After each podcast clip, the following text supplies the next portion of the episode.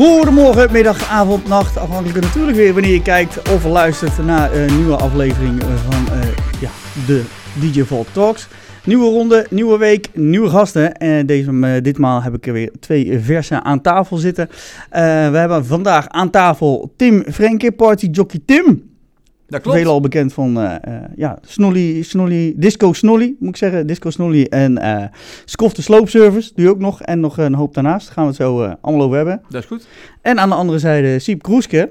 Ja, die zullen de meesten in ieder geval bij ons in de, in de, in de vijver niet kennen. Maar ik ga, ik ga even opnoemen wat, wat allemaal. Dan komen er vanzelf, komt er vanzelf een beeld bij wat je allemaal gedaan hebt. Houd het kort. Hè? En doet. Nou ja, ik ga het proberen kort te houden. Docent radiomanagement en muziekmanagement aan de Hogeschool in Holland-Haarlem. Uh, bij Veronica uh, DJ geweest in de avonturen. Daarnaast ook nog uh, redactiewerk voor het Veronica Blad. Klopt dat? Ja, als het niet klopt, dan ja. moet, moet je me even tegenhouden. bij Veronica Omroeporganisatie Volledig. ruim tien jaar bij de Stichting Nederlandse Top 40 in Hilversum. Grondlegger en auteur van de hitlijstenboek Hit Dossier. Daarna nog productmanager bij Ariola Benelux. Uh, verantwoordelijk voor de platenlabels Areola, Hansa, Island, uh, Chrysalis. Ik weet niet of het goed zeg. Chris, zegt ja, Chrysalis? klopt, ja? Ja, klopt nog. Daarna zelfs, uh, even kijken, waar staat hij? de General Product Manager. de lijst is nog niet klaar. Daar gaan we naar, even kijken, directeur bij de Stichting Nederlands Top 40. in 93 de samenwerking Buma Stemra en NVPI, NVGD en de publieke omroep. De Stichting Mega Top 50 begonnen. Ja, klopt nog? Ja. Daarna even kijken, Mega Media, uh, Mega Media Magazine uh, voor het uh, marktonderzoeksbureau. En ook nog, eens even kijken, Radio, Radio 192. Velen zullen dat nu waarschijnlijk kennen als de zender 192, denk ik. Die ken je denk ik ook wel van de oudere... Nee? Nee, dat, nee je nee. Die, duikt niet zo in de oude muziek.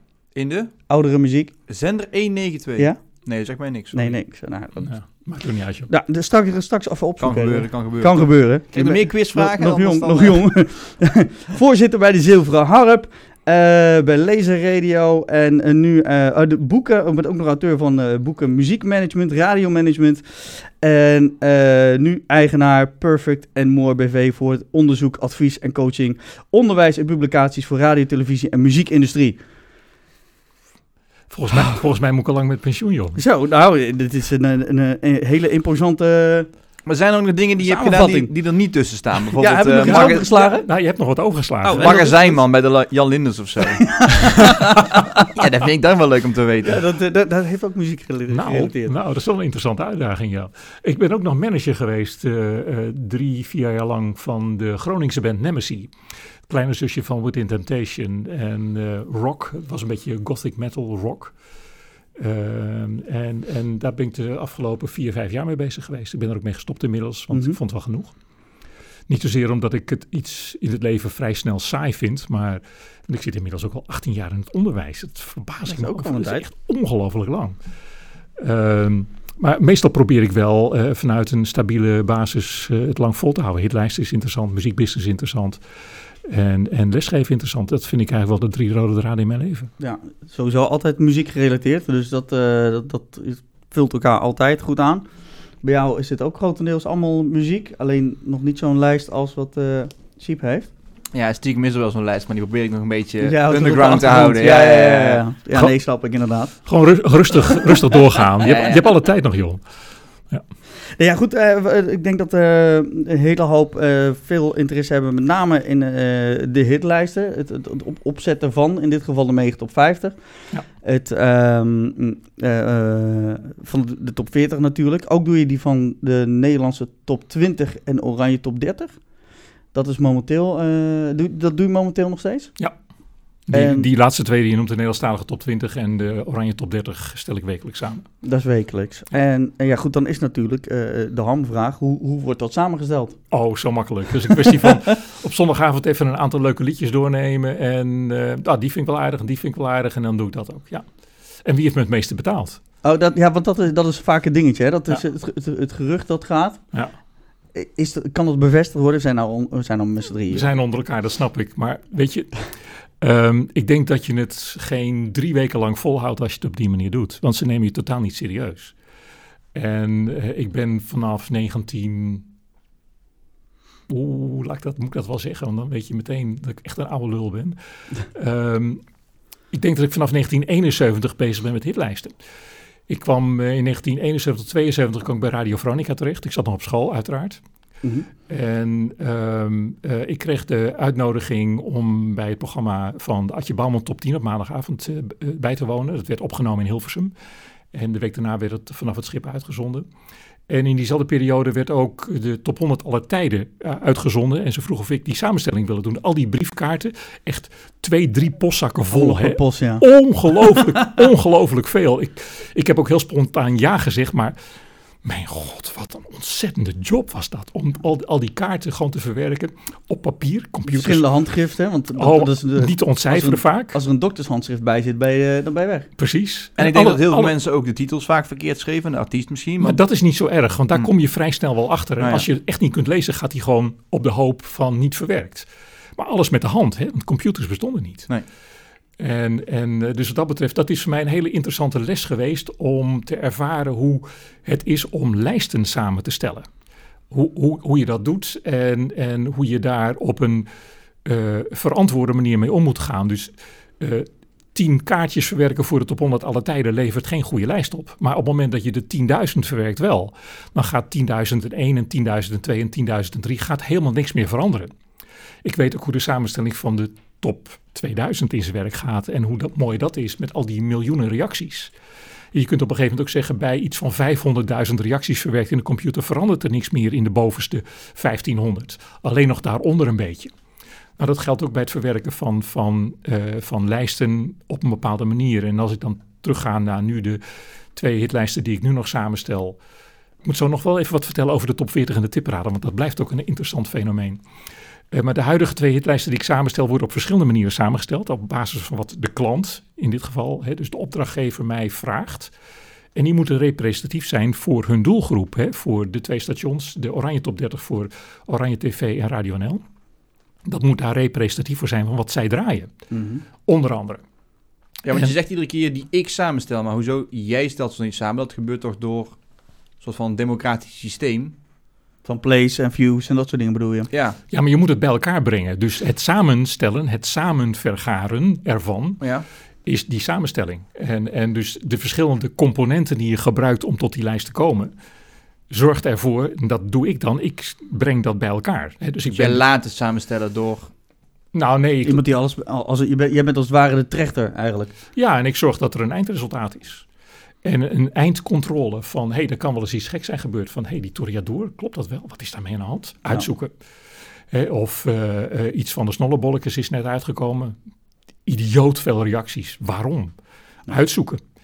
En dat heb ik eigenlijk mijn hele leven gedaan met lijsten eh, van bepaalde dingen. De fanclub van Ria Valk, die probeerde met een, een liedje van haar in de top 100 alle tijden terecht te komen. Rocking Billy.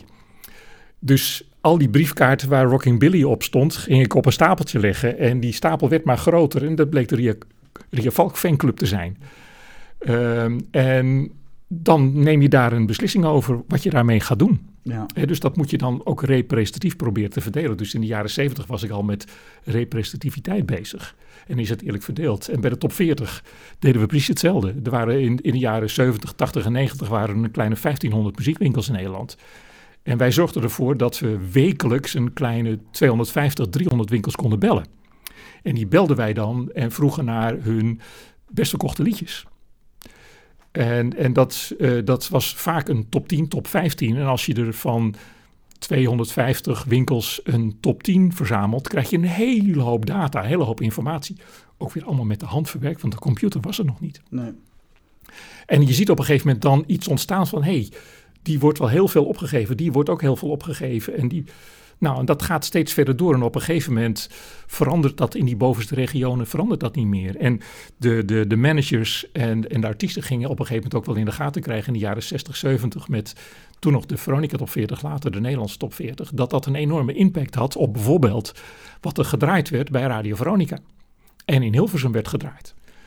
Dus het proberen te beïnvloeden ervan werd ook steeds meer een doel op zich en een, eigenlijk wel een baan voor mensen om dat proberen te beïnvloeden. Dus vertegenwoordigers van muzieklabels en promotors die daar speciaal voor waren aangenomen, die gingen het land door met een auto van de zaak, de auto volgeladen met singeltjes. En naar de winkels toe waarvan zij ongeveer konden inschatten en dachten dat wij die zouden benaderen. En sommige winkels zeiden ook dat ze inderdaad door ons de top 40 werden benaderd. En Maar was dat dan steekproefsgewijs? Of waren het echt vaste... Nee, vaste steekproefsgewijs. We hadden een vaste kern van in ieder geval 150 winkels die we wekelijks sowieso belden. En daarnaast roleren we wekelijks. Dat weet, dat weet eigenlijk bijna niemand. Het is misschien wel voor het eerst dat ik het zo uit, uitdraag. Ehm, dus dat roulatiesysteem was van toepassing om te voorkomen dat er zo weinig mogelijk beïnvloeding en manipulaties waren. Ja. Maar winkeliers kregen gratis singeltjes, gratis albums, noem maar op. Om ervoor te zorgen dat een bepaalde track van een artiest eh, door hun werd opgegeven. En soms zeiden ze het ook hoor, van ja, die en die hebben ons benaderd en om dit hoger op te geven, maar ik doe het lekker niet. En, en zo waren er wel meer. En we checkten ook bij verschillende winkeliers. En Clemens van Bracht was er in Tilburg eentje die we natuurlijk altijd eh, eh, proberen te vragen naar van wat zijn nou de manipulaties van deze week. En we wisten altijd als er een nieuwe deurzakkersingle uitkwam tijdens carnaval dat hij die op nummer 1 had staan. Maar ik heb het ook eens een keer Ja. gecontroleerd hè, van wat verkoopt dat nou? En ik ging bij hem- hem in de winkel staan en ik zag hoe dat ging. Ja, als de artiest zelf achter de toonbank staat, dan wil het wel extra verkopen. Ja, het is maar de, vaak is dat dan ook lokale support. Dat heb je vaker dat, dat, dat, dat sneller gebeurt. Maar dan zou je moeten kijken hoe dat werkt. Nou goed, voor carnaval boven de rivier heeft het dan helemaal geen zin. Want dan, daar wordt er geen carnavalsmuziek bijna verkocht. En misschien destijds wel, omdat Ja, nou, het landelijke wat meer... Maar, meer maar luister, Toon Hermans, Mien, waar is mijn feestneus, is geen carnavalsmuziek. Maar het werd boven de rivieren wel verkocht als carnaval. En daardoor wel een grote hit. ja, Om ja. eens wat te noemen. En zo zijn er door de jaren heen vele, vele, vele zogenaamde carnavalshits geweest die in de top 40 kwamen. En, en die beneden de rivieren echt niet werden geaccepteerd als carnaval. Tuurlijk niet. En dan heb je ook nog een verschil tussen Brabant en Limburg, om maar eens wat te noemen. Dat is sowieso een dingetje. Ja. Dat, eh, Limburg is helemaal eh, lokaal. En ja, goed, nu, eh, als je dat bijvoorbeeld in de jaren tachtig eh, vergelijkt, dan had je nog bijvoorbeeld op, op volle toeren wat nationaal bekeken werd, een carnavalseditie. Dus heel Nederland zag dat. En nu heb je alleen bij Omroep Brabant wat daar aandacht aan besteed voor de Brabantse carnavalsmuziek. En L1 heeft dan zelf ook nog het, het LVK, wat puur alleen voor Limburg is. Nou, 3FM pusht dat toch ook wel? Niet zo, niet zo, eh, niet zo Met lang Rob, die hebben, een, die hebben gewoon een heel programma eromheen. Nou, nee, Ja, maar het wordt niet, niet volledig nationaal bekeken. Nee, maar het is natuurlijk op een andere manier eh, gedaan. hè. Het is niet meer dat ze specifiek aandacht besteden aan carnavalsmuziek, carnavalsmuziek, maar wel aan een bepaald liedje wat opvalt. Of waarvan ze denken, hé, dat is wel een, eigenlijk leuk, party, noem maar op. En dan heeft het een ander doel. Dan draaien ze geen carnavalsmuziek, maar dan doen ze het omdat het een ander nut heeft. Namelijk een heel opvallend liedje. Ja, goed, die ga- gaf net aan van, van bijvoorbeeld met de Ria Valk fanclub. Hè, als die met z'n allen een, een kaart eh, eh, gingen sturen. Maar ja, goed, het wordt dan democratisch in feite. Wordt dat ook enigszins eh, beperkt dan. Want al die kaarten, je zegt, je gaat van aan van joh, dan kijken we wat we daarmee gaan doen. Ja, goed, de fanclub is natuurlijk niet voor niks een fanclub. Nee, maar Dus ja, Luister, je kunt alle fanclubs oproepen om dat te doen en dan breng je het meer in balans. Maar ik denk dat de fanclub van Snollebollekes groter is dan de fanclub van Opgeblazen. Ja. En eh, stel dat eh, Opgeblazen een grote hit heeft en Snollebollekes niet. En dus hoe ga je daarmee om? Dat is natuurlijk een kwestie van een momentopname. En tegenwoordig hebben we Spotify en we hebben YouTube en we hebben Facebook en we hebben Instagram en alle mogelijke middelen om een product te promoten. ja. En de radio ook nog. Dat, ja, dat, dat is nog steeds een, een groot, groot medium. Ik heb zelf het idee dat het wel eh, grotendeels van eh, inderdaad Spotify gaat, gaat eh, begint in te, de, in te dammen eigenlijk. Ehm, alleen, ja goed, in dit geval voor die oranje top, top 30 en die Nederlandse top 20, waar, waar wordt het allemaal vanuit, vanuit getrechterd? Is dat inderdaad ook vanuit Spotify of vanuit de place vanuit TV Oranje zelf? Ook. Onder, onder andere. Onder andere. Eh, kijk, op het moment dat je een lijst voor een station maakt, dan hou je rekening, wat er, hou je rekening mee wat er op dat station gebeurt. Mhm. Logisch, vanzelfsprekend. Ehm, maar stel je voor dat 538 naar mij toe komt van we willen dat jij eh, onze top 50 gaat samenstellen. Nou, prima. Dan ga ik eerst eens een gesprek met ze aan. Wat wil je met die lijst bereiken? En wat ga je ermee doen? Je gaat uitzoeken wat nou het belang is van zo'n lijst voor zo'n station of voor zo'n opdrachtgever. En de Oranje Top 30 is een hoofdzakelijk Nederlandstalige lijst. Eh, TV Oranje af en toe zendt ook wel Engelstalig uit. Eh, op dit moment bijvoorbeeld pakken ze Ilse de Lange of ze pakken wat anders, wat in ieder geval niet Nederlandstalig is. Dat willen ze ook wel doen, maar dat, dat is niet een extreme vorm. Ehm, ehm, dus dus je, je, je ziet wekelijks wat daar gebeurt en daar hou je rekening mee. En ehm, zonder nou een, een te groot kijkje in de keuken te geven, ehm, is een aantal dingen heel logisch. Dus airplay is een logische factor.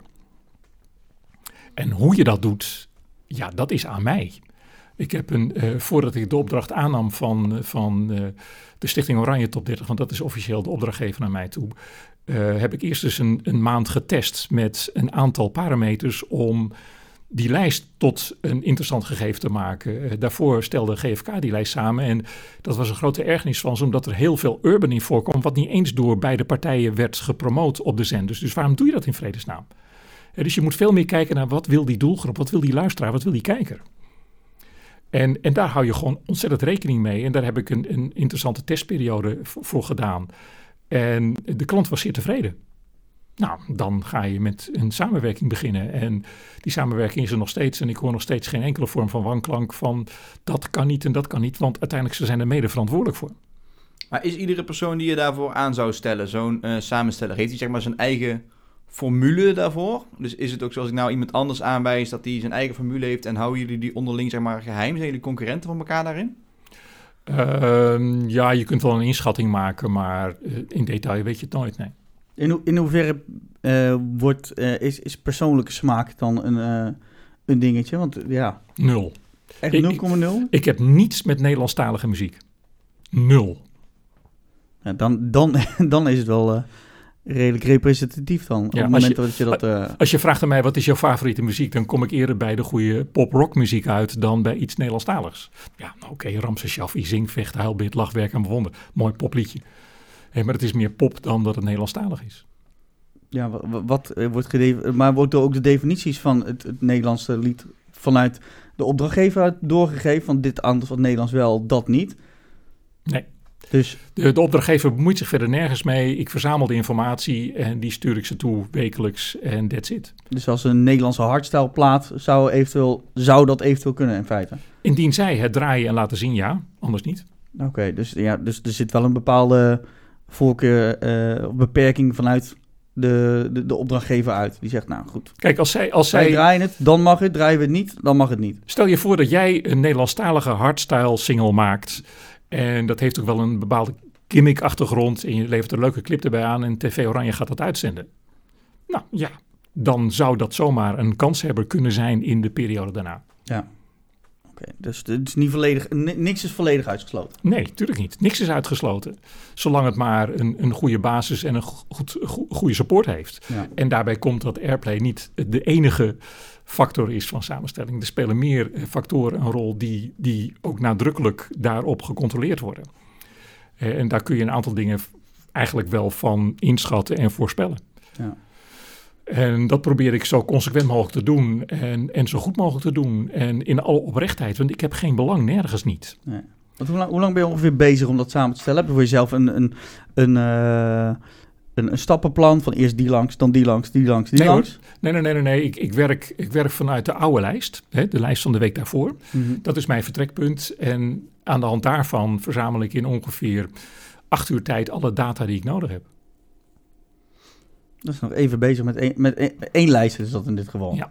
Een flin- flinke tijd, acht uur. Ja. Om, het, eh, om het zo nog, eh, nog, nog samen te stellen. Precies. Ehm, ja goed, eh, acht uur bezig zijn, dat is bij jou een ander geval. Jij doet onder andere het uh, Disco Snolly. ja, ik, ik neem de tijd even... eh, Om een bruggetje te om maken. een bruggetje te maken, hè, om een bruggetje sl- te slaan. Eh, Heb jij nooit problemen gekregen met het feit dat je snolly gebruikte vanwege snollebollekes? Nee, ik heb Nee? die link zelf eigenlijk nog nooit gelegd. Met, Ah. met Snolly. Oké, Dat is de eerste keer dat ik dit nou ook hoor eigenlijk. oké. En nu gaat iedereen voor, vanaf nu voortaan Ja, de link ja. leggen met... Nee, maar eh, vertel, li- licht het even toe. Disco Snolly, wat, eh, wat, wat is het? Ehm, er was een discofeestje in een, eh, in een café in Tilburg.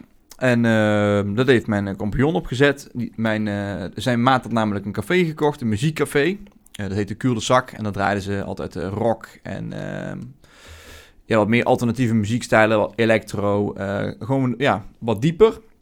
En ehm, hij kocht het café over en hij zei: Ik wil echt weer een muziekcafé van dat café gaan maken. Dus kwaliteitsmuziek. Niet ook ruimte voor alternatief, maar ook ruimte voor dingen die misschien iets minder alternatief zijn. En toen zei die compagnon van mij, nou dan weet ik iets vets. Ik wil namelijk al heel lang heel graag een, eh, een discofeest organiseren met alleen maar ja, 70s, 80s muziek en dan wel voor een jongere doelgroep. Dat is Disco. En hoe, hoe wordt dat gecombineerd dan voor de, voor de jongere doelgroep? Is het gewoon uh, toegang voor de jongere doelgroep en de oude muziek wordt alleen gedraaid? Of zijn het remixen wat van oudere nummers? Of hoe zit het in elkaar? Nee, iedereen onder de 12 mag gratis binnen. Oh, jee. Uh, nee, dat heeft met een stukje uh, marketing te maken. En het feit dat, um, ja, we bestaan nu vijf jaar. En dat vijf jaar geleden um, ja, net eigenlijk urban aan het opkomen was. Um, ook de conceptuele feesten waren aan het opkomen. En ja, wij hebben toen gezegd, wij zijn in principe een themafeest gericht op disco. Maar wel met een ja, andere soort tone of voice dan misschien de disco themafeesten die je kende. Die met hele typische Um, ja, als je disco googelt, kom je, kom je afro-pruiken tegen, felgekleurde. Dan kom je van die synthetische stoffen, uh, ja, fout disco. En wij probeerden niet de foute disco kant op te gaan, maar in onze marketing... Ja, de, de kwaliteit, de liefde voor die muziek uh, naar boven te halen. En het feit dat wij al die muziek als uh, ja, twintigers wel kennen, omdat onze ouders dat gewoon tof vonden. Dus ja, we kennen die nummers wel meezingen. Waarom zou je er dan niet een stapavond aan wijden? Zonder dat je dan meteen tussen de 50ers, 60ers moet staan. Ja, realiseer je ook dat Netflix heel veel films uitzendt waar heel veel 70s en 80s muziek in voorkomt. En daardoor extra populair is. Dus wat dat betreft, ik snap hem helemaal. Ja, wordt tegenwoordig in heel veel films, uh, ook nieuwe films gebruikt. Niet alleen oude, maar ook in nieuwe films worden, worden, worden oudere nummers gebruikt. Om alleen als voorbeeld te geven, Once Upon a Time in Hollywood. Daar zit ook heel veel uh, eh, 70s nummers in. Mm -hmm. en, en, het feit dat ABBA, dat het zo over het nieuwe album van ABBA gaat. En um, uh, dat heel veel commercials uh, tegenwoordig ook discoplaten bevatten en dergelijke. Ja, en TikTok heb je tegenwoordig. Zeker. Uh, maakt ook heel veel gebruik. Ik weet, ben je daar bekend mee, TikTok? Ja, dat, wordt dat ook meegenomen in de lijst? Nee, ik denk het niet, hè? Nee hoor. Nee, nee. ik, denk, ik denk TikTok inderdaad, maar dat is nog... Nee. Valt die onder, echt onder airplay, die 10 seconden. Uh, maar daar komt inderdaad ook heel veel uh, oudere muziek naar boven, wat de jeugd uh, dansjes op doet en eventueel meeplayback of iets op uitbeeld. Um, ja, wat zijn de, ja, ik wil bijna zeggen de standaard hits die op zo'n avond voorbij komen, om, om, een beetje beeld te creëren? Nou ja, je hebt natuurlijk wel een soort van mapje wat gewoon gedraaid moet worden, omdat iedereen daar gewoon op zit te wachten. En, ja, hoe, hoe ziet dat mapje eruit? Noem eens een paar populaire titels. Um, nou, soms is het vloeken in de kerk, want niet iedereen vindt ABBA disco. Sommige mensen vinden ABBA ook pop, uh, of voornamelijk pop. Maar ja, ABBA, uh, Earth, Wind Fire, uh, George Michael, uh, ja, Diana Ross, Donna Summer. Dat komt toch zeker wel voorbij. Maar ook The Weeknd, omdat die natuurlijk, ja, vooral tegenwoordig worden er heel veel oude 80 samples weer opnieuw gebruikt in muziek. Robin Thicke, dat soort platen. Oké, dus ook de, de, muziek van nu met, met met samples van weleer. Ja, Purple Disco Machine mag ook best voorbij komen. Dan gaat het even iets meer de clubkant op en dan pak je het naar de rand weer terug. Ja, dus er wordt wel op, op een nostalgisch gevoel gericht. Alleen niet echt de doelgroep wat de nostalgie al van vroeger mee heeft. Alleen van, van toen ze klein waren, maar niet echt de, de tijd destijds meegemaakt hebben. Um, nou, dat is wel heel grappig. We hadden namelijk een show in 013. En we hebben um, gedurende de afgelopen vijf jaar die act Disco Snolly verder uitgebreid.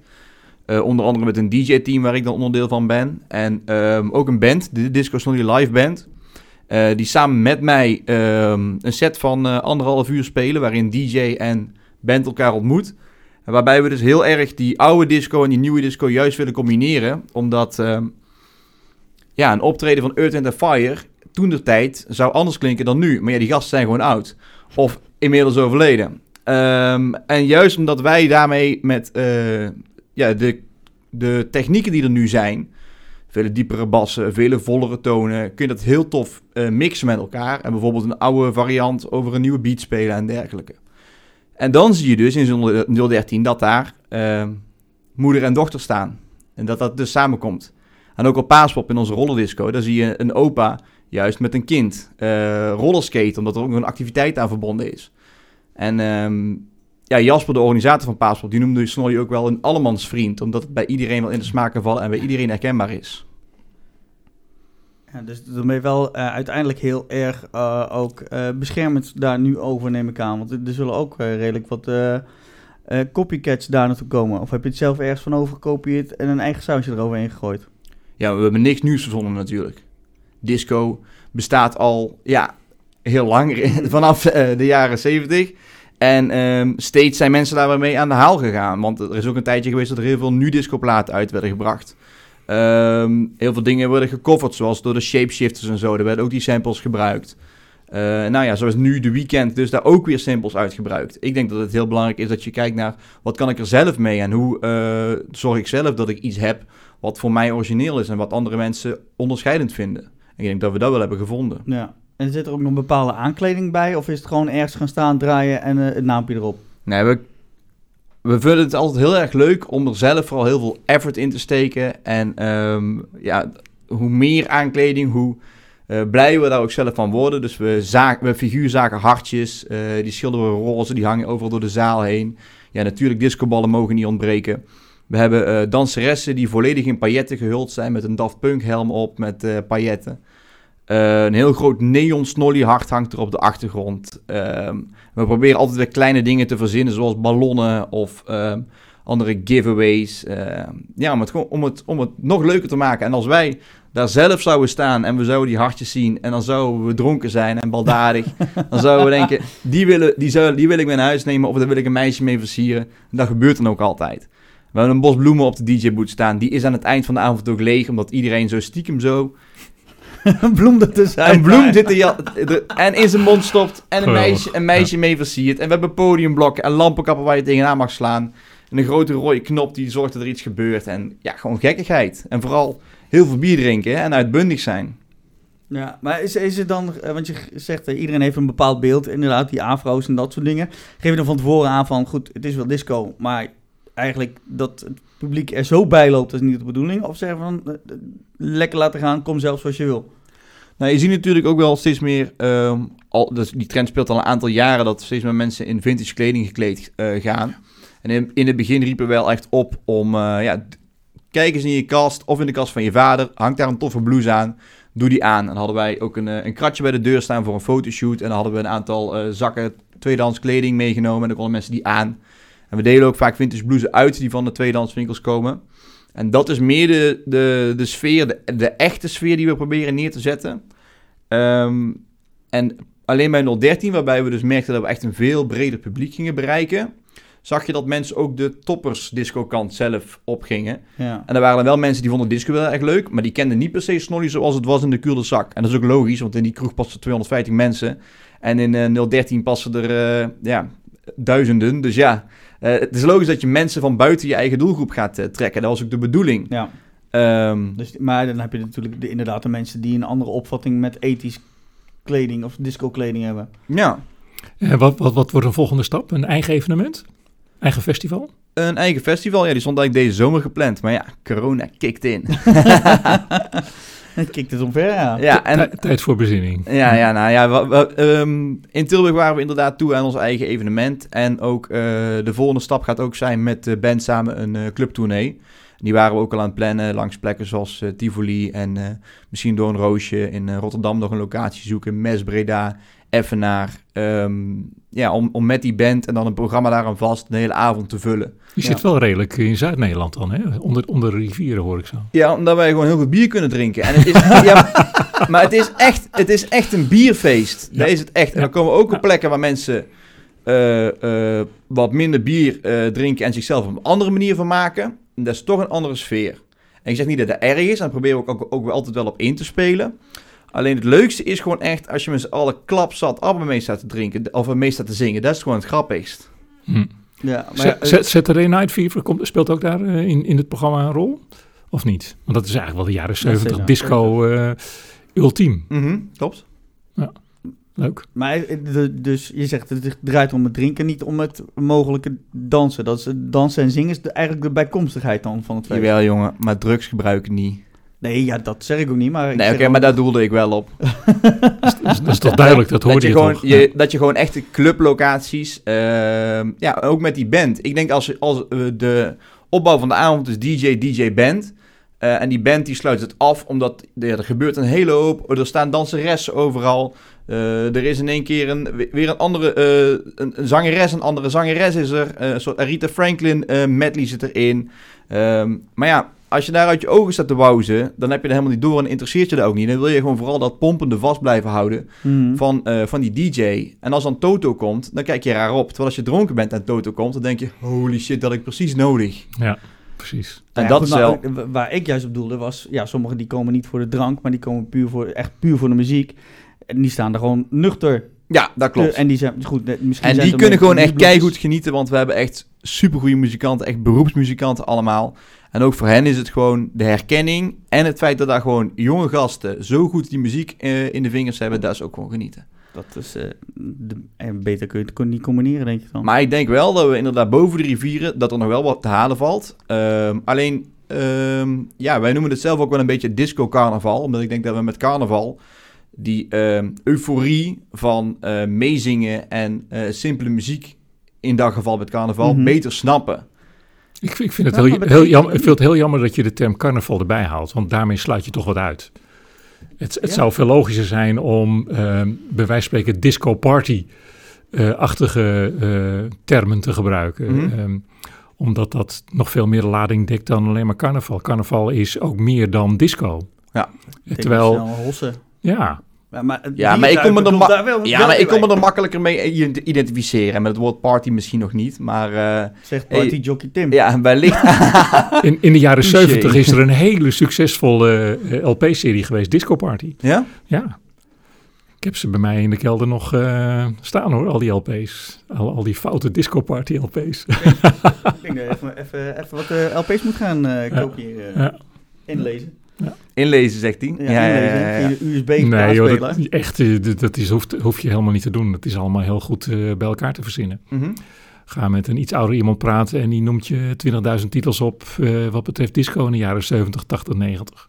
Vooral Ja, 70 en 80 uiteraard. Nou goed, dat is iets wat ik, dan, wat ik dan weer veel terugzie bijvoorbeeld. Dus in dit geval bij E92 TV. Nou, Ja. kom je inderdaad eigenlijk alleen maar oude muziek tegen. Ik denk dat het bijna niet, eh, niet eens iets van 90, echt puur en alleen voor 90 eigenlijk. Nee, nee, nee, alles is van daarvoor.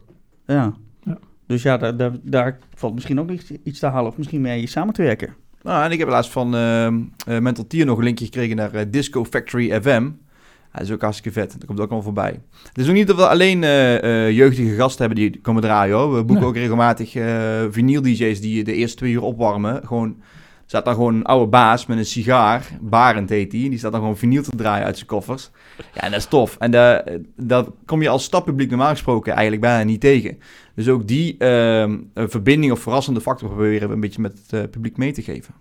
Ja, dat is wel. Dat, maar dan heb je inderdaad eh, ook het, het plaatje compleet, denk ik. Eh, in dat opzicht van het aanzien. Dat zelfs op het moment dat jij naar een skiert gaat met een bepaalde verwachting. Wat daar allemaal gaat gebeuren. Heb je in dit geval dan ook met Disco Snorri. Dan Ja. verwacht je ook inderdaad ouderwets iemand met, met de 680 eh, koffers. Met eh, platen tot en met. En EP'tjes en singeltjes. Ja, maar het gaat wel om de muziek en de sfeer. Ja. En niet zozeer om de personen en er, erachter, totaal niet. Nee, maar het, het gaat wel ook om een plaatje wat je ziet. Dat is zelf. Om- Ja, als ja, jij disco denkt, dan inderdaad wat jij zegt. Dan denk je snel aan van die afro-pruiken, eh, overdreven. eh, dan neem Boney M bijvoorbeeld inderdaad. eh, dan denk je ook, ja, dat, dat is ook een bepaald beeld wat je dan eh, Ja. verwacht bij zo'n zo'n feest, denk ik. Ja, dat- ik begin, ik begin Disco Snolly nu ook beter te snappen. Oh. Het, is, het is me nu wel duidelijk hoe de act in elkaar zit en wat dat... Het is ook wel heel onderscheidend, deze naam. In marketingtermen vind ik hem eigenlijk wel heel slim ook. Ja, en de grap is altijd dat als je dan Snolly zegt, bijvoorbeeld op, eh op Paaspop hadden wij ballonnen laten drukken met erop eh, Disco Snolly. En dat dan de oudere eh garde, garde en de oudere generatie toch een beetje aanstoot daaraan nemen. En dat geeft ook toch wel een beetje dat jeugdige, rebels, eh, eh, grappige eh, eraan. Ja. Mevrouw bij de poffertjeskraam zei nog, Weet je wel wat dat betekent, Snolly? Ja. En heeft ze het uitgelegd? Ja, je moet zeggen, nee, dat weet ik niet. Leg Nee, uit. ik heb het daarna uitgelegd, het is een discofeest. Ja, leuk. Ja, nee, goed, het valt wel samen. Voor, eh, voor de ja, ik weet niet of we moeten zeggen voor de jongere kijker of voor de oudere kijker. Eh, waarom inderdaad Snolly? Ehm, nou, je hebt dus in eh, Amsterdam heb je de Disco Dolly. En dat is een, eh, een club, een, eh, ja, een, gewoon een, een kroeglocatie, zeg maar. En ehm, ja, als parodie daarop zeg maar, hebben wij gezegd... ja, eh, we willen een keer in de kuurde zak voor de grap Disco Snolly doen. Eh, omdat de eh, Disco Dolly draait niet alleen disco. Er zijn ook wel eens gewoon andere concepten die daar iets, iets doen. En ze draaien ook lang niet zo plat disco als dat, dat wij doen. Maar eigenlijk is dat als een grapje ontstaan. En nu hopen we nog heel graag een keer Disco Snolly in de Dolly te kunnen doen. Oh, dat zou helemaal, dat, dat zou helemaal gauw. Hebben ze wel al benaderd of niet? Ah, zij hebben ook, Je schoenen? zij hebben ook Jägermeister ehm, als, eh, als link, zeg maar. En wij doen ook veel dingen met Jägermeister. Dus eh, misschien hebben we binnenkort een keer de stoute schoenen aantrekken. En zeggen, hé, hey, Jägermeister, fix dat eens even voor ons. Ik zou, ik zou gewoon zeggen eh 31 december 2020. Dat zou een mooie... is wel een mooi themafeest, ja. naartoe te werken zijn. Dan heb je meteen een hele mooie combi. Nou, dat Ja. klopt. Nieuwe jaar goed inluiden. Ja, er is, dan moet je meer, ja, goed, de disco wordt ook heel vaak opnieuw uitgezonden op, eh, op, op Nederland 1, geloof ik. Dat ze van die hele oude eh, uitzendingen terugpakken, inderdaad. Voor, niet, niet op volle toeren, maar wel zo'n type programma, inderdaad. Dus ja, je zou het kunnen combineren met oud en nieuw. Ik eh, schrijf zo eventjes Schrijf, eh, op. Schrijf, het- ik schrijf het voor en mee. dan, eh, dan eh, deels eh, inderdaad ik, ook even... ik weet nee, ik hoef niks. Eh, Monies, Ik hoef alles om, niks. om, Oh nee, het was niet om, niet om te kopen. nee, nee, precies. Nee, nee. Ik denk dat je met Afrotros even contact moet opnemen. Die zijn best geïnteresseerd. Dat zou zo, dat Maar zou wel de oude Max, Afrotros, hè, want de nieuwe. Afrotros vind ik niet tof. Maar die oude Afrotros inderdaad, dat was goud. Mm. Giel Ja. Montagne, hè? Ja. Als je die nog een keer laat presenteren op een avond. Hij leeft nog wel. Ja, ja, ja. ja. ik kwam hem recent nog tegen, maar hij is wel aardig oud hoor. is hij nog een beetje te, een beetje te been of niet? Hij is nog wel een beetje erbij, ja. Eén, als je dat één avond voor elkaar krijgt. Ja, maar die mag nou niet Och. naar buiten, jongen. Nee, Nu, ja, nee. als laatste doelgroep pas. Ja. Dan, eh, ik, zou, dan ik zou het niet doen. Ik zou het niet Ah, doen. ah, ah. Nee. Eh, ehm, ja, goed, eh, over niet naar buiten mogen. Hè. Eh, het corona gebeuren. Je bent ook eh, leraar op een, eh, op een hogeschool in, in Holland. Ehm, ja, hoe gaan die lessen nu? Online. En ik was een van de eerste van, de, collega's die het online deed. We hebben via Microsoft het programma Teams. En daarin kun je iedereen uitnodigen die je bij zo'n les wilt hebben. En eh, de afgelopen periode, lesperiode 3 noemen wij dat. hè, Dat is eh, nou, ongeveer het, het, eh, het eerste kwartaal, zo'n beetje. Ja, ik weet niet precies hoe dat loopt, maar goed. eh, eh, gaf ik ook les aan het conservatorium in Haarlem. En tweedejaarsstudenten van de e-musician opleiding. En de eerste zes lessen waren eh, gewoon lekker in de klas. En ik had ze, zoals mijn doel is, gewoon op de banken gekregen met mijn eh, vorm van lesgeven en informatie die ik breng, geef en ook aan ze vraag. En de laatste paar moesten dus online. En allemaal waren ze er uiteraard. Het was een kwestie van uitnodigen, op de knop drukken, ze worden gebeld en je krijgt ze te zien. Dus het is ook heel grappig om, om die gezichtjes dan zo in het scherm te zien. En dat je daar op een andere manier eh, les moet geven. Ik, ik moet je zeggen, fysiek in de klas.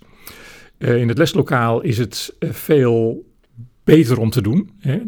Net zo goed als dat wij dit ook hadden kunnen doen online, is het minder interessant dan dat we elkaar kunnen aankijken en toch wat meer contact hebben. Dus het is met lesgeven ook zo. Het is, het is toch anders. Eh, maar ik moet je zeggen dat ik wel heel veel enthousiasme loskreeg bij de, bij de. Dat zijn allemaal jongens. Ook dat nog eens een keer een interessante. Had, vorig jaar had ik eh, bij die groep had ik twee meisjes zitten. Dat was voor het eerst dat er meisjes bij waren. Niet, Eh, niet zo ge- geliefd bij... eh, nou, e-musician, electronic music is toch echt een jongensding. ja. En, en nauwelijks meisjes. Maar goed, dat lesgeven aan zich vind ik ook nu nog steeds goed te doen en leuk. Maar ik ervaar wel dat studenten niet in het klaslokaal hebben en het collegezaal is, is toch anders. En je haalt ze er minder makkelijk bij, in, zoals wij dat noemen, om ze bij de les te krijgen weer, is een stuk zwaarder. Want ze hebben thuis, of waar ze op hun kamer of wat dan ook zitten, hebben ze heel veel afleiding. Het is niet van, oh, we moeten tien uur begint het eerste, eerste les. Nou, dan moeten we nu in de trein springen of in de bus springen om er op tijd te zijn. Dat sla je allemaal over. Het scheelt mij ook een hoop reistijd over. Dat is niet te geloven. Ik hou heel veel tijd over. Eh, maar ik geef twee dagen in de week normaal gesproken les. En, en eh, ja, dat, dat is nog steeds heel leuk. Alleen, het is anders. En, eh, ja, goed, je geeft al aan, eh, de, de, de focus kan nog wel eens, eh, wel eens afdwalen. Ja, want je kunt online ook gewoon de microfoon uitzetten en het beeld kun je uitzetten. En dan zie je een, een, een logootje van twee initialen van je naam. Nou joh, slimmer nog, ze hebben tegenwoordig ook gewoon, gewoon... Je gaat gewoon 10 minuten voor je laptop zitten, je filmt jezelf, heel aandachtig. En dan gebruik, gebruik je dat bij je Deze wil ik niet horen. Deze ja, wil ik ja. niet horen. Zet je in een loopje en dan heb je je docent. Alleen, ik vond altijd juist, in de klas werd ik overal door afgeleid. Want er waren altijd mensen die interessante dingen hadden. Gewoon knappe dames die naast zaten in de klas die ook interessant waren. Maar je voelde dan wel, die ogen van je docent voelde je gewoon branden, weet je wel. Van, Ik- ah, en ik kijk. heb- dat je bezig was. Ja. En ik heb nog een andere. Want ik heb eens een keer eh, voor de gein tegen een groep eerstejaarsstudenten gezegd. Dat was ook echt heerlijk om te doen. Ehm, we zijn bezig om spiegels achter in de klas te zetten. Zo kunnen we zien wat jullie op je laptop aan het bekijken, aan het bekijken bent. Want zij volgen helemaal geen lesmateriaal. Ze zitten gewoon op hun laptop naar een filmpje te kijken wat ze leuk vinden. Helaas dan niet met een koptelefoon op, want dat leidt te veel af. En dat valt ook te veel op. Maar Ja, maar alles heeft, onder, alles heeft ondertiteling tegenwoordig, dus je kunt gewoon meelezen. Bluetooth? daarom. Ja. Een kleintje Bluetooth. hier. Ja, ach, ja, weet je, er zijn zoveel leuke dingen om uit te vinden in het klaslokaal en anders ook. Dus. Maar het, uiteindelijk probeer ik altijd te zeggen van, je zit hier met een bepaald doel, je betaalt ervoor, dus vraag dan ook waar voor je geld. Ja. Simpel. Doe Ja, het anders niet of ga Het wat anders niet- doen. Het is niet allemaal dat het ver- verplicht is, omdat het inderdaad zelf... eh, het is niet net zo met de basisschool, middelbare school. Dat, Nee, eh, nee je, je bent, eh, je hebt geen lesverplichting. eh, wij proberen altijd wel te zeggen van 75% aanwezig. ja. Eh, dat is er een beetje doorheen geramd, maar eigenlijk hoeft het niet. Maar ik, ik, pre- ik, ik vind het veel valider om te zeggen van, je betaalt ervoor, dus waarom zou je er niet zijn? En krijgen ze voor jouw vak een, eh, een eh, toets of een opdracht?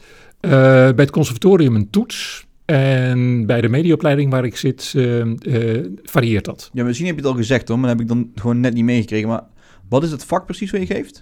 Eh, ik geef les bij de mediaopleiding Media Entertainment Management en Creative Business in radio en in muziek. Radiomanagement, muziekmanagement. En bij het conservatorium doe ik dat international business. Daar komt het eigenlijk op neer, entrepreneurship. Ehm, en dat heeft vooral te maken met aanstaande DJ's en producers. Die dan vooral ook wel weer in de e-music scene zitten. Maar ik heb nu ook een aantal jongens die wat verder in de hip-hop gaan. En Maar dus je hebt ook de- dat, dat boek geschreven, Media and Entertainment Management. Met die rode kaft. Ja, die heb ik ook gewoon gehad op school. ja, Dat is leuk. Dat is goed om te horen.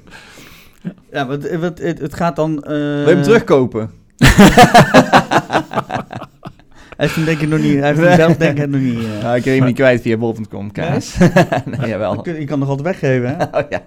Ehm, want het gaat dan om, eh, puur om de management, niet om eh, het pro- produceren ervan. Hè? Het gaat puur Nou, om- weet je, ik, ik vind management een te zware lading, eerlijk gezegd. Ik, ik zou een combinatie van ehm, theorie en praktijk veel beter vinden.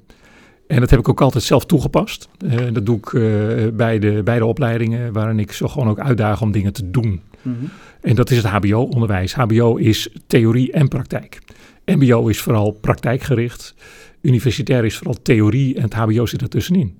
En dus ik vind dat je daar een bepaalde balans in moet hebben. En dat wil nog wel eens doorslaan naar te veel theorie. En, en te veel dingen moeten lezen en boeken erbij. Eh, prima allemaal. En jongelui tegenwoordig lezen heel weinig boeken en heel weinig studiemateriaal. En vaak zijn het uitrekseltjes die ze online ergens gevonden hebben. Ik heb zo overigens ook wel eens bij het kopieerapparaat stuk uit mijn boek zien kopiëren. Wat ik ook wel, wel weer eigenlijk een beetje pijnlijk vond. Ja, ja, ja. En dus ik ging er ook bij staan. Ik denk van, hey, dat boek is van mij. Oh, pardon. u me- Meteen auteursrechtclaim erop. Ja, ja, weet je, dat, je kunt dat niet voorkomen. Nee. Dus, eh, maar ik, ik probeer ze altijd wel scherp te krijgen, uit te dagen en ervoor te zorgen dat ze wel aan hun eigen toekomst denken. Hè? Want Mhm. daar gaat het om van, je bent met je eigen toekomst bezig. Hè? Hallo, je zit hier niet voor mij. Je betaalt ervoor en je hebt een bepaald doel. En dan kom ik altijd ook wel weer bij een student uit. Nou, ik weet het nog niet precies. Zitten, tien minuten en dan weet je het. En dit is ook een eigen, eigen leven gaan leiden bij mij op school. Van, eh, bij SIEP moet je zijn voor tien minuten gesprek. En dan weet je wel wat je gaat doen in de toekomst. Een soort coaching dan ook. Ja, Men- dat is echt, echt en een echt een mentor eigenlijk voor de hele groep. Ja, ja. ja. Maar je je geeft aan van, ja goed, eh, eh, liever eh, eh, in plaats van theorie meer praktijk. Eh, Een goede combinatie. Ja, maar hoe, hoe combineer je het dan met, met, met de leerlingen? Hoe, hoe ga je, ga je Nou, om je voorbeeld aan Een bijvoorbeeld? voorbeeld, eh, ik, ik heb nu een groep studenten die eh, radio maken. Althans nu eventjes wat minder en dat moet heel ingewikkeld. Maar die krijgen in eerste instantie een theoretische opdracht. Die moeten dan werken vanuit een opdracht en die opdracht gaan, gaan beredeneren en op papier zetten. Mhm. online. Ehm, en, en allerlei dingen uitzoeken en, en verschillende onderdelen waar dat voor dient. In jaar twee moeten ze uitgezocht hebben. En dan komt daarna de afronding in praktische vorm. Dus in dit geval moeten zij dan eh, in Holland Radio, wat wij dan hebben, gebruiken om dat contact met die studenten te verbeteren. Hoe kunnen we nou meer eh, met radio die student bereiken om als hogeschool meer goede informatie over te brengen? Want die studenten worden doodgegooid met god mag weten hoeveel mailtjes van wie dan ook. Ja. Dus die lezen niet alles meer. Die worden helemaal horendol gek. Nou, de helft van de mails die je vaak binnenkrijgt zijn niet eens aan jou bedoeld, dus dat werkt ook niet echt mee. Precies. Dus dat is echt heel slecht. Maar werkt dat ook echt, denk je, dat eh, als je zo'n eh, interne radiostation hebt, dat eh, studenten daar echt geprikkeld voor zijn om dat te gaan luisteren? Ik heb in 2005 heb ik in Holland Radio opgezet. Ja. Dus het werkt inmiddels 15 jaar. Ehm, ehm, we zoeken altijd wel naar een, een wat betere vorm. Eh, podcast is nu een hele interessant, eh, interessante ontwikkeling. En we zijn nu ook een platform, een intern platform aan het opzetten om eh, ook lesprogramma's als podcast aan te bieden. En die moeten dan niet langer dan 20, 25, 30 minuten zijn. Dus eigenlijk een ritje Amsterdam-Haarlem moet dan voldoende zijn om die podcast even af te luisteren voordat je naar je tentamen gaat of je les gaat of wat dan ook. Je bent weer bij. En, en radio vult daar ook een rol in door gesprekken met studenten aan te gaan, problemen aan te kaarten. Wat leeft er bij jou? Eh, wat ging er fout bij een, een, een, een les? Eh, eh, verzoekjes kun je, kun je aanvragen van die leraar vind ik leuk, die heeft me genaaid. Dus ik wil even een leuk liedje horen voor hem. Of eh, verzin maar wat. Hè. Dus Ja. er kan van alles gebeuren. Fuck you van Lily Allen. nou, de- Bijvoorbeeld. ik zal niet zeggen dat het nooit gebeurd is. Ja, ja, ja. Nee. Maar, eh, en eh, is het dan ook, eh, goed, de communicatie met de leraar, die is, die is toch vrij essentieel. En intern is dat alleen te doen dan, die radio. Maar hoe doen ze dat in de praktijk? De praktijk verder uitoefenen thuis niet? Of hebben een hele hoop dat ze lokale radio nog erbij doen? Of... Oh ja, zeker. En ik heb heel veel van mijn studenten heb ik naar het radiowerksveld zien vertrekken. hè. Dus ze konden dan in jaar twee konden ze radio maken gedurende een half jaar. Mhm. Eh, vaak bleven ze dan nog wel wat langer daarmee doorgaan. Ehm, maar in jaar drie gingen ze stage lopen bij een radiostation. En in jaar vier hun afstudeeronderwerp was dan richting radio. Dus wat dat betreft, eh, op verschillende manieren is dat radioverhaal doorgezet. En uiteindelijk ook naar de praktijk. Vaak zie je dan bij stage dat ze een bepaalde werkvorm gevonden hebben waar ze zich wel prettig in voelen. En vaak zegt het station dan van wil je niet een nul contract? Dus wellicht eh, eh, invallen waar nodig. Het zij voor productie, het zij voor redactie. En een hele enkeling voor presentatie. Ja. Terwijl de meesten wel dromen van presenteren, maar dat kun je vergeten. Er zijn maar weinigen die het echt zo ver schoppen dat ze het ook als disjockey redden. En, eh, maar hoe, wat voor voorwaarden worden daar dan aangesteld? Eh, stel, ik, ik, kom, ik kom bij jou aan de les. Ik zeg, ja, ik wil toch hè, het presentatievak gaan doen. Ehm, ja, goed. Op voorhand kun je het natuurlijk niet, eh, niet garanderen. Nee, maar ik doe wel een stukje coaching daarin, hè, als Mhm. ik je mag onderbreken. Eh, Als iemand zegt van ik wil echt me wat meer focus op presenteren. Nou, ze kunnen gedurende een half jaar kunnen ze programma's presenteren. En ik geef daar een stemtraining bij. Ik geef daar een, een stukje coaching bij van je ademt te snel. Je pra- ik praat nu ook te snel, dus ik moet ook zeggen van praat eens wat rustiger, want dan Ja. kunnen ze je beter Nou, maar dat is volgen. enthousiasme of van praten van. Dat is, Nou, dat weet ik wel, maar af en, af, af en toe dan zeg ik ook wel eens, dan doe ik dit gebaar van eh, hey, eh, rustig aan alsjeblieft. Maar je hebt toch gewoon een radiostem of niet, toch? Nou, zo is dat. Ja. En je kunt natuurlijk dat een beetje uittesten. En je ziet ook heel veel eh jongelui, wederom vaak jongens, eh, die dan bij de lokale omroep, de streekomroep ook werken en daar ook nog vlieguren maken. ja. En heb je nou ook een hele hoop eh, eh, van je leerlingen die zelf over... Eh, je hebt een hele, hele lijst wat je allemaal gedaan hebt. Dat, je, dat ze vragen, ah, kun je mij niet ergens, eh, ergens binnenkrijgen? Nee, dat doe ik niet. Sowieso niet. Wel probeer ik ze vaak op een goede stageplek te krijgen. En mijn netwerk in de muziek- en radiowereld en de mediawereld is redelijk groot. En ik kan zo'n student wel inschatten van... hey, jij past bij Q-Music en jij past bij 100% NL en jij past bij Slam. Eh 538 is het moeilijkste station om binnen te komen. Voor stage bijna niet. Ehm, eh, maar ik, en wat wil je? Hè? Want dat is de eerste vraag. Wil je meer op productie? Wil je meer op redactie? Wil je meer op de socials? Eh, marketing, sales? Alles kan. Het is een kwestie van de juiste deur openzetten en ook de, de vacatures voor stages in de gaten houden. We hebben op onze Facebookpagina intern, eh, een interne groep eh, waarin ook dat soort stageplekken, eh, zodra het beschikbaar komt of aangeboden wordt, dat we het daar neerzetten. En daar reageren ze dan op. Oké. Nou, dat is wel, wel makkelijk. Maar er komen ook radiostations die zich bij jullie al aanbieden. Ja, van luister dit en zus en zo. Absoluut. En ook voor, los van de radio, ook voor de, voor de rest van de muziekindustrie Ja, als het ware. Ja. Ik, ik adviseer wel studenten die in de muziekbusiness willen gaan werken van ga niet bij een groot label werken, want dan word je heel specifiek op een plekje gezet. Niet handig. Ga bij een kleiner label werken of bij een productieunit of bij een boekingskantoor, of bij een managementkantoor, wat dan ook. Dat is veel beter. Daar leer je naar verhouding veel meer. Ja, echt een allround eh, locatie pakken meer dan. Ja, Ja, niet, ik denk niet per se een allround locatie, maar je moet er gewoon voor waken dat je... eh, ja, ik heb zelf stage gelopen bij het Klokhuis. En dan heb ik eh, webredactie gedaan bij de NTR. En ik heb ook stage gelopen bij Omroep Tilburg. En hoe knullig Omroep Tilburg ook misschien is, eh, daar heb ik wel veel meer geleerd. Omdat je daar namelijk zelf eh, veel meer mag. En op het moment dat ik bij de NTR vond ik ook tof om te zien hoe dat aan Hilversum gaat. Ehm, maar ja, ik was maar gewoon vragen van kinderen aan het beantwoorden. Dus ja, wat leer je daar dan, zeg maar? nou, je, Ja, leert, je leert een stukje redactie. Ja, leert research en redactiewerk leren. Ja, zeker. Maar eh, als je daar een half jaar stage loopt, dan heb je dat binnen een half jaar heb je die specifieke functie wel ontdekt. En het is dat ik zelf mezelf wel uit dagen en heb gezegd, nou dan ga ik ook aan de slag met vormgeving. Ik wil ook een paar draaidagen meedoen. Maar ja, het zijn kleine dingetjes waar je dan, als je geluk hebt, iets van mee mag pakken. Ja, maar dat is nou juist de bedoeling, dat je zelf die stappen zet. Eh, als je afwacht, dan kom je niet verder. Dus je moet gewoon, maar dat geldt voor iedereen, wil je verder komen, dan moet je zelf die stappen zetten.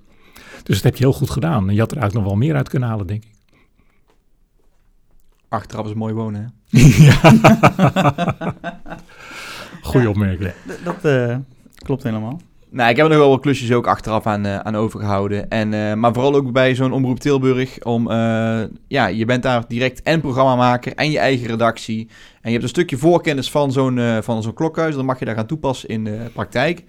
Ja, dat is natuurlijk kaasje. Want dan kun je gewoon eh, alles uitproberen wat je al verzonnen hebt. En ook op je bek gaan. En daar leer je uiteindelijk heel veel van. En ik denk in zo'n hele grote organisatie... dat ze jou niet snel op je bek laten gaan. Omdat ze dan ook een stukje Niet kunnen aanzien... Nee, nee, nee, zeker niet. Nee. Van, Nee. van je fouten leer je. Maar het is, het is heerlijk om fouten te maken en daar hopelijk ook zoveel mogelijk van te leren. Ja. Over fouten maken gesproken, Skof de Sloops. Nee, nee, nee.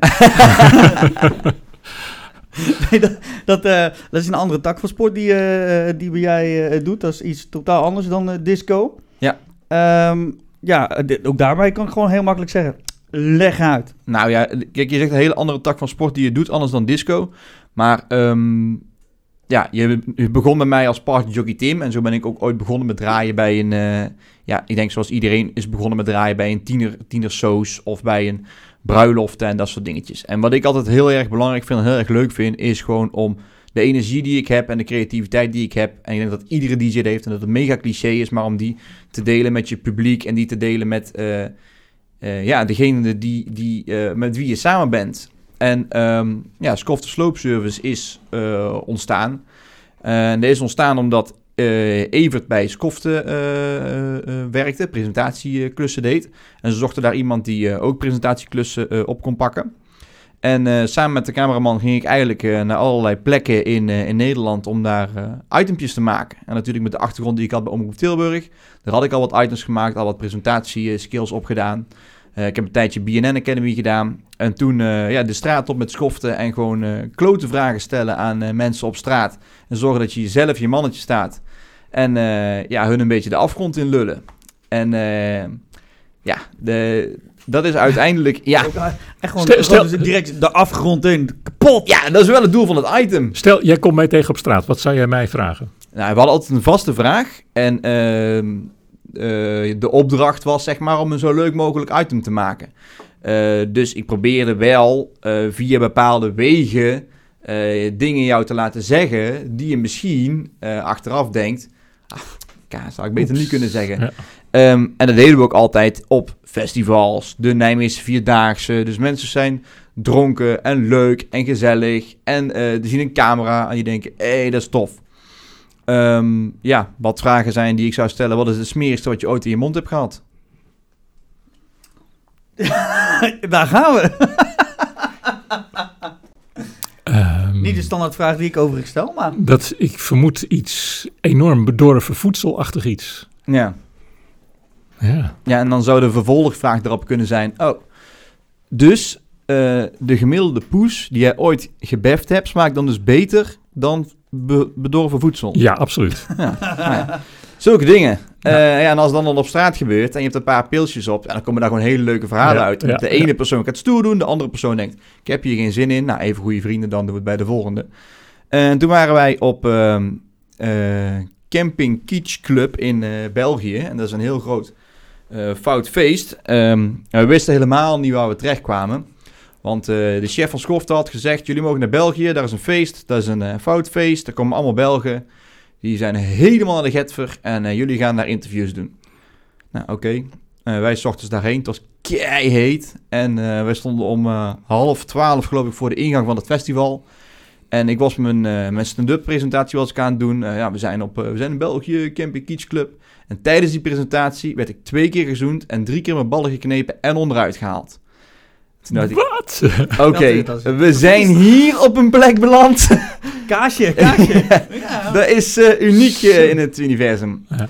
En eh, ja, gedurende de dag hebben we ook een paar pilsjes gedronken, interviews gedaan. Ik kon die mensen ook maar half verstaan. Ik heb al een accent, maar ik kon hun echt wat daaruit kwam, jongen. Ehm, en ehm, wat, ben je nog op vakantie geweest? Ja, ja, naar Dardenne. Sorry? Naar Dardenne. Ik zeg, oh, de Ardennen. Ja, en wat heb je daar gedaan? Oh, veel gezopen, flink gepoept. Oké, nou. En toen stonden we op een gegeven moment backstage een interview met de organisatie. En Evert met zijn grote bek. Tim, heb jij een USB-stick bij? Want jij kunt toch draaien? Ik zeg, ja, ik heb eh, eigenlijk altijd in mijn rugzak wel een USB-stickje zitten. Ja, dan gaan we daar draaien hier op de mainstage. Want ik had nog een vraag aan die gast. En die vraagt aan die, eh, die organisator van, eh, van dat festival... eh, mogen wij daar draaien op de mainstage? En die organisator... die, Met, met camera erop, hè? met de camera Ja, erop. Ja. Anders heb je geen druk natuurlijk. Nee, nee, nee. Nou ja, die, die gast die laat zijn eigen niet kennen hoor. Die zegt gewoon... Oh, is goed. Ik zal je daar wel even tussen fietsen. en blijkbaar stond er voor ons, ik weet nog steeds niet wie het is, maar een hele grote Vlaamse techno-dj te draaien. Met een lampenkap op zijn kop. En die moest eh 10 minuten eerder stoppen. En eh, wij mochten een kwartiertje eh, Nederlandse troep draaien. En wij stonden natuurlijk, omdat het was een groot publiek. En ik wou indruk maken. Want ja, ik werd natuurlijk ook voor blok gezet. Dus ik stond ook snollebolletjes te draaien en dat soort dingen. Maar ja, die Belgen, die hebben nog nooit van snollebolletjes gehoord. En toen Evert zei, we gaan met z'n allen naar links en we gaan met z'n allen naar rechts. Toen dachten die Belgen, welke achterlijke Hollander staat hier nou weer op dat podium een trucje te doen. Dus hij werkte voor geen meter, maar die organisatie die vond het fantastisch. Die dacht ik, ja, wat we nou weer hier hebben, twee Nederlanders, grote mond, moeten ze nodig op het podium, staan zichzelf voor schut te zetten. Fantastisch. Die willen, Past, past in het concept. ja, die willen we volgend jaar weer. En eh, ja, toen is uh, Scott de Sloopservice geboren. Ja, wat weinig aan toe te voegen. The end. The end. Nee, ik, nee vanuit daar eh, nog... een- Want met, met Scott de Slope Service ga je nou het land door. Maar ja, nu niet, hè? Ja, Ja, we hebben, we hebben vorig jaar de Party Award gewonnen voor beste Party Act van 2019. Maar het was wel echt het meest teleurstellende moment om dat te winnen. Want je hebt natuurlijk echt helemaal geen conjo aan in deze periode. Ja, dat... alles wat je, wat je eind vorig jaar, begin dit jaar gewonnen hebt, Ja. dat is... eh, hoe, gaan jullie de beste party, party Act van 2020 kiezen? Nou, waarschijnlijk, waarschijnlijk mag je hem twee jaar hebben, dus dat... ja, dat Ja, ja, ja, ja, alles ja, wordt verplaatst. Ik zou- Heel ik- 2020 ja, ik zou absoluut een eh, verzoek indienen van dit is voor twee jaar, hè? Ja, ja, ja, ja. ja. Ja, ja de- en terecht. En dan zijn we ook de e- zijn we dan de eerste die hem twee jaar heeft achter elkaar? Ja, nee, nee, nee, nee, nee, nee, nee. Nee? Nee, Snollebolk heeft gewoon drie of vier jaar achter elkaar al. eh, Ja. Dus ja, dat, dat valt al wel weinig tegenop te boksen. Mm. Snollebolk Ja, is ja. nog steeds een hype. Ja. Het, het is en blijft. Ik weet niet Ja. eh, of het überhaupt nog weggaat. Ik denk alleen als eh, Rob, de, de, frontman ervan, eh Het is net, als, weggaat, dan het is net als corona, hè? Je weet niet of het ooit nog weggaat. En je moet eh 100% van je beslissingen nemen op 50% van de, van de kennis die je hebt. Momenteel wel, ja. Maar goed, in ieder geval over die twee jaar. eh, straks even overleggen met de directeur Party Awards natuurlijk. Nee, dat was de voorwaarde, anders had ik hier niet gezeten. En ik moest er als betrouwbare persoon bij. Ja, zeker. Om het te onderbouwen. Omdat we ons kunnen onderbouwen. en zo is het cirkeltje top 40 fraude, DJ's van ja, ja, rond, hè? ja. Ja, ja. tot 40, tot Ik ben, er, 40 ik ben erin getuind. Ik Ja, ben erin getuind, ja, ja. ja, ja. Nee, ja, goed. De, normaal, eh, wat we normaal hebben zijn inderdaad ook eh, via de socials eh, vragen voor eh, de mensen die hier aan tafel zitten. We hebben eh, vooral, vooral bij jou nog lang niet alles, eh, alles eh, Ah, wees maar blij. aangestipt, Ja. maar eh, goed. Ja, maar daar- daar ik vind het ook... Ja, ik wil, niet, ik wil niet arrogant doen of zo, hoor, maar je, je kunt mij ook niet vangen in één zin, hoor. Natuurlijk wel. Nee, ik vind dat... jockey Tim? Ja, Nee. nee, Nee, nee, Stefan, nee. ik vind dat je niet echt 100% je research hebt gedaan. Bij jou? Ja. Nou, maat zat. Genoeg. Ja, ik, heb je naam gegoogeld en ik zag niks. Ik zag, ik, zag, ik, zag, ik zag Party Jockey Tim. Ik denk, ik heb nog nooit party zien draaien. Maar, nee, nee, nee, nee, nee. nee. Nee, maar goed, eh, bij jou ligt er ook wat meer, eh, waar ik zelf ook al een keer geweest ben, bijvoorbeeld. Ik kan het bij jou ook nog even aanstippen. Met, eh, met name wat je vader doet. Voor eh gehandicapten. Mijn vader die plakt energielabels op huizen. nou, niet met een feestje. Nee, nee, dat klopt. En we organiseren ook inderdaad muziekmiddagen voor mensen met een beperking. Maar ik organiseer onder andere ook de Desperados Roadshow in Tilburg. Tien dagen lang Tilburgse kermis. Die er nu niet is. Die er nu niet is. Nee, helaas. Ehm verhuur van koptelefoons, silent disco's organiseren, van alles, jongen. Ik denk dat ik Nog een Wikipedia-pagina aan ga maken. Voor jezelf. En dan kun je hem later ook weghalen. dat klopt, ja. Ja, daarom. Maar goed, eh, eh, een aantal vragen die zijn eh, binnengekomen. Ehm, met name inderdaad ook over de hitlijsten uiteraard. Want wat ik al zeg, onze categorie van DJ's en artiesten... die zijn erg benieuwd hoe dat allemaal in elkaar steekt. Ehm, eh, in dit geval een vraag als zijnde van Fabian. Die heeft er een aantal op rij gezet. Die heeft onze, onze eigen directeur ook eh, aan de tand gevoeld omtrent de Party Awards. Dus die had eh, ook wel een aantal eh, vragen voor je. Hoe bedoel je? Hoe hoe heeft hij die aan de tand gevoeld omtrent... We hebben ook een keer een aflevering gehad. Eh, Het was puur en alleen dat onze directeur aan de tand gevoeld werd over de Party Awards. Hoe dat in elkaar steekt, dat soort dingen. Die kreeg gewoon een vraag, die kreeg gewoon een vragenvuur over... En het, maar was Fabian dan zo enthousiast Fabian, ja. dat hij altijd, zeg maar, eh, Die is, gewoon wantrouwt? Alles wantrouwt. Ah, die wantrouwt alles. Oké, vet. Dus eh, ook al zijn werkgevers, altijd een dingetje bij hem. Eh, die vraagt onder andere, Stichting, Stichting Top 40 kom- eh, komt over als onafhankelijk. Hoe worden dan de kosten gedekt? Wie of welke maatschappij zit er in het bestuur? Waarom duurt het altijd zo lang voordat de independent platenmaatschappij een notering krijgt in de lijst? En worden YouTube, Spotify nu ook meegeteld? Veel vragen. Nou goed, het is een interessant verhaal natuurlijk. Alleen helaas gaan we dat niet krijgen in één aflevering. Dus wat gaan we doen? Juist, we knippen hem hier in tweeën. Voor nu, dankjewel. Tot de volgende keer. Eh, vergeet uiteraard niet te kijken de volgende aflevering. Want anders mis je natuurlijk een heel groot gedeelte van, van het gesprek. Beetje jammer als je maar de helft van de info hebt. Nogmaals, eh, vergeet niet te liken, subscriben en te delen natuurlijk. En stay home, stay safe. En Jerry Springer zegt het iedere keer weer, dus ik ook. Pas goed op jezelf en elkaar. Tot de volgende.